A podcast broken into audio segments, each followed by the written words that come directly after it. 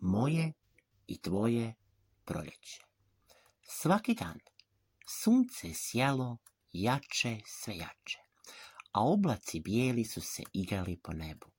Svaki dan je bio sve duži.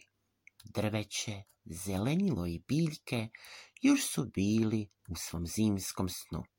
Samo jedna mala visibaba otvorila je svoje oči. Kad je vidjela sunce i oblake, sva sretna reče. Stiglo je proljeće, ali mi nije jasno zašto svi oko mene još spavaju. Pa kaže visibaba, ne mora to da me brine, važno je da je proljeće stiglo. Zato ja idem šetati i uživati u proljeću. Tako je visibaba šetala, sva sretna i vesela, promatrala sve oko sebe i radovala se proljeću. Kad je visibaba stigla do jednog velikog drveta, na glas se upitala. Zašto svi spavaju, a proljeće je stiglo? A jedan jaglac tiho joj reče, ja ne spavam visibabo, tako da znaš, a visibaba će njemu. Pa kad ne spavaš, što si se onda sakrio ispod tog drveta? Dobro, dobro, visibabo, evo, odmah izlazim. U redu, jaglače, čekam te. Kad je jaglac došao do visibabe, ona ga upita. Jaglače, kakav je bio tvoj zimski san? Ma nije bio loš visibabo, ali malo dosadan i hladan. A tvoj visibabo, moj je bio dug i prazan. Zbog čega prazan visibabo? Pa zar ti ne znaš, jaglače, da mi visibabe ne volimo biti same, jer tad nam je sve prazno. A tako znači, reče jaglac. Zar si ti jaglače kraj ovog drveta isto sam? Upitaše ga visibaba. Bio jesam, ali kad si sada ti tu, visibabo, nisam više sam. Ni ja, jaglače, više se ne osjećam sama. I tako su se visibaba i jaglac zagrlili, te odlučili da postanu prijatelji. Visibaba mu reče, Jaglače, mogu li te od sad zvati svojim prijateljem? Pa naravno da možeš, Visibabo, i ja ću tebe zvati svojom prijateljicom. U redu, prijatelju Jaglače. A što ti predlažeš da mi, da, da mi bude bolje nego što je bilo. Pa budem te prijateljice Visibabo odveo do jednog jezera. To je tu blizu pa da ti i ja uživamo u čaroli vode i ovog lijepog proljetnog dana. Zar me vodiš na kupanje, jaglače? Ne znam da li ti to hoćeš. A zašto ne bih htjela? Moram ti reći da si točno pogodio ono što najviše volim. Pa drago mi je, prijateljice, zato krenimo prema jezeru. I tako su krenuli prema jezeru putem su pričali razno razne priče. Kad su stigli do jezera, Visipapa je bila jako sretna. Jaglac je to primijetio, reče joj. Ja ću prvi ići da se okupam, Visibabo, pa ti javim da li je voda u jezeru dobra, da možemo uživati u kupanju. Visibaba je stajala pred jezera i gledala kako jaglac u jezero skače. Kad je skočio u jezero, jaglac će visibabi.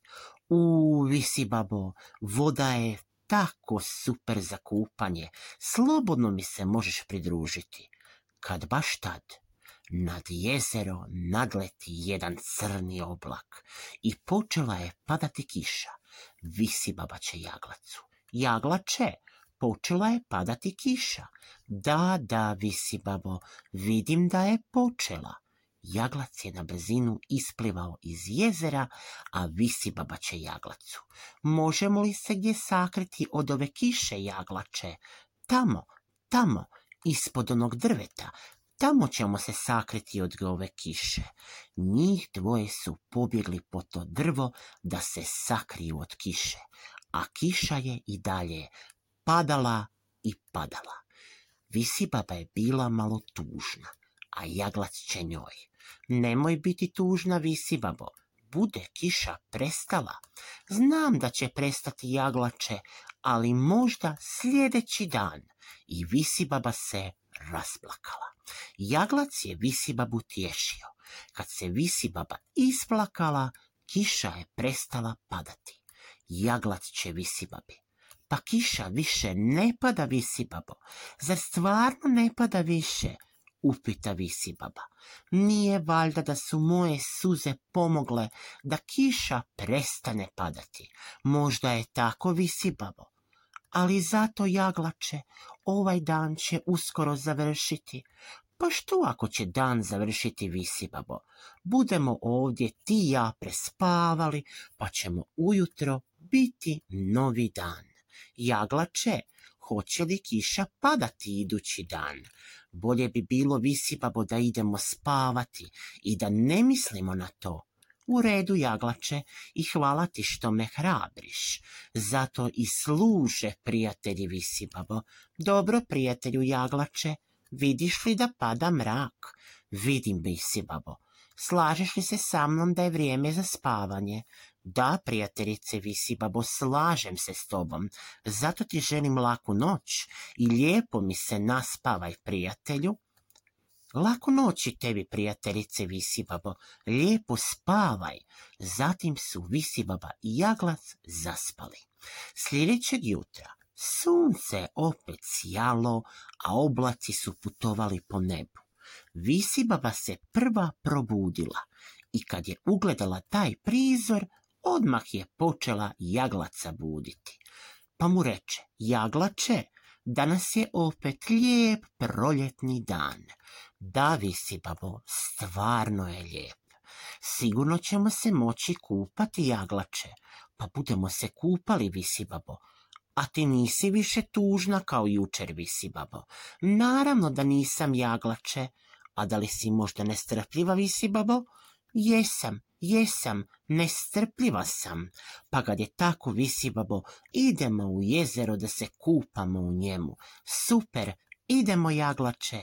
Visibaba je sva sretna potrčala prema jezeru i odmah se počela kupati. A jaglac, kad je stigao do jezera, Visibaba mu reče, Ej, u jezeru je tako prekrasno, a meni se čini da ti uživaš, Visibaba. Da, da, uživam, zato mi se slobodno pridruži jaglače. Tako su Visibaba i jaglac uživali u jezeru, kupali se, igrali se skoro svaki dan, uživajući u čaroliji proljeća.